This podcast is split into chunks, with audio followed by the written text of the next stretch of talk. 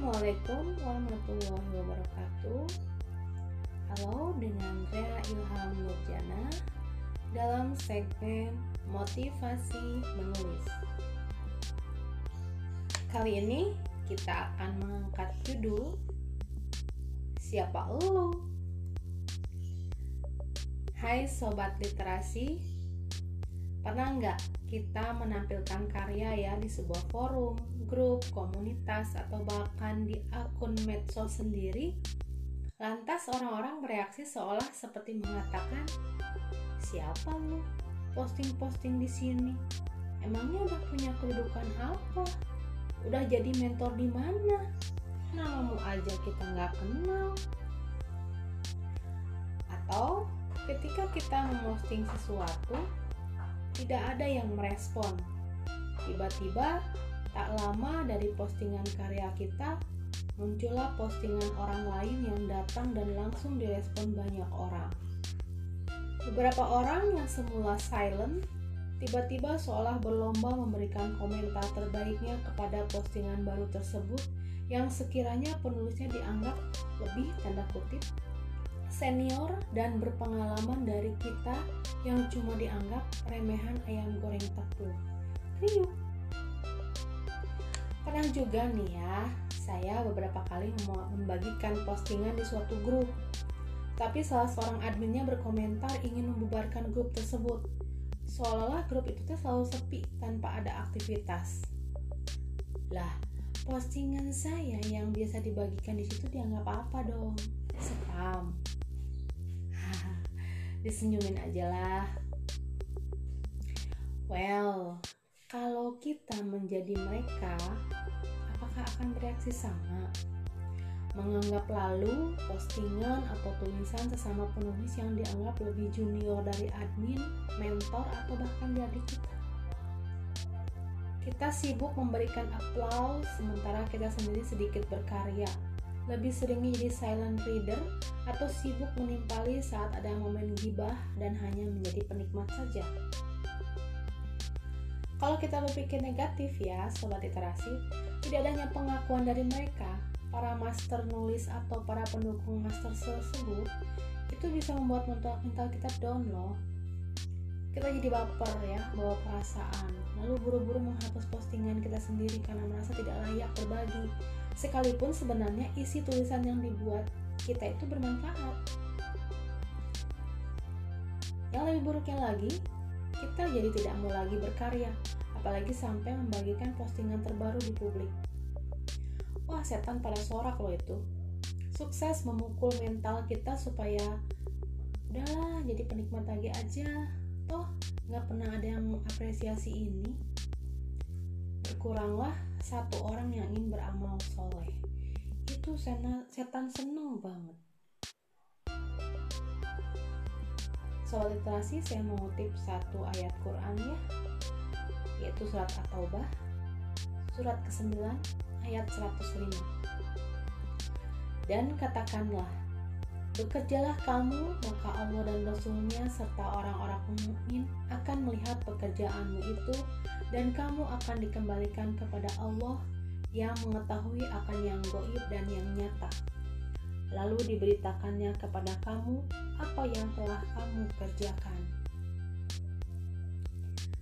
Nah, sobat literasi, sebaliknya ya, kalau kita berpikir positif, reaksi-reaksi tidak menyenangkan dari bahasan yang sebelumnya kita bahas ini di atas, maka kita nggak akan menganggap hal itu terlalu serius. Jadi kita akan berpikir, bukankah tidak memberi respon bukan berarti tidak membaca karya kita.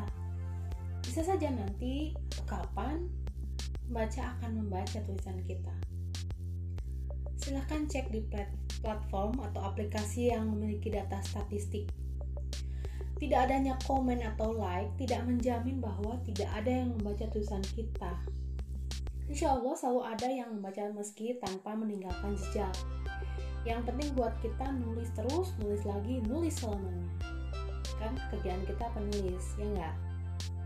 Pun pada postingan-postingan para master yang riuh dikomentari, bukan lantas berarti postingan tersebut benar-benar sudah dibaca oleh para komentatornya loh. Bisa saja mereka hanya ingin terlihat dengan memberikan pujian, terlihat tanda kutip ya. Sudah nggak aneh kalau di dunia ini banyak penjilat-penjilat yang senang mencari muka dengan memberikan pujian yang sebenarnya nggak tulus sama sekali. Ada pamrih biasanya. Oh alam, semoga persangkaan ini keliru ya ucapan atau yang berupa komentar yang tulus itu ketika orang tidak mengenali kita siapa lalu membaca tulisan kita dan memberikan komentar tulus namun tetap santun. Pernah nggak kita berlaku begitu atau menerima perlakuan begitu? Pernah tapi sangat jarang sekali. Sobat literasi intinya Ketika kita berkarya dan menerbitkannya kepada masyarakat, tetapi reaksi yang didapat tanda kutip sepi dan dingin, maka jangan langsung putus asa. Jangan putus semangat. Terus berkarya sekalipun orang tidak juga mengenal kita. Sebab tujuan kita berkarya bukan untuk dikenal orang kan? Bukan untuk dipuji dan dipuja, tetapi untuk berbagi ilmu dan manfaat dari secuil yang kita tahu. Jangan khawatir dikecilkan tanda kutip oleh manusia. Yang perlu kita takutkan adalah ketika dikecilkan oleh penghuni langit.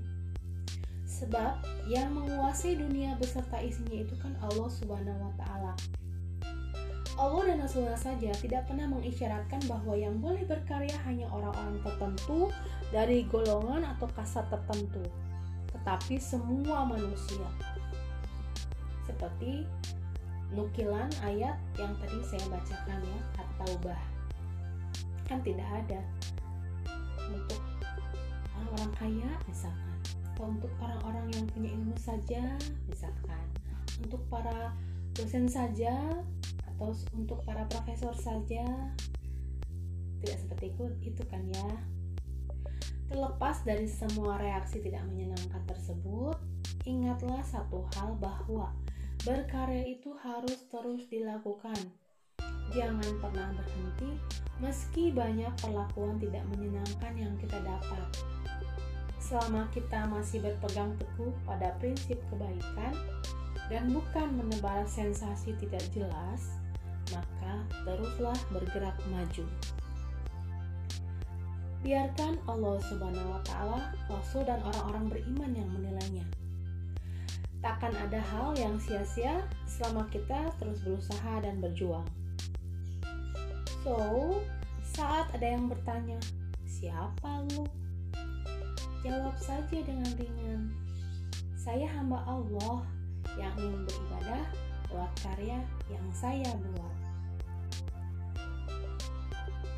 Sekian untuk tulisan atau versi Visualnya sudah tayang di website www.dailyliteracyyzone.com di bagian daily writing. Jika dirasa podcast ini bermanfaat, silahkan share sebanyak-banyaknya. Terima kasih, selamat literasi.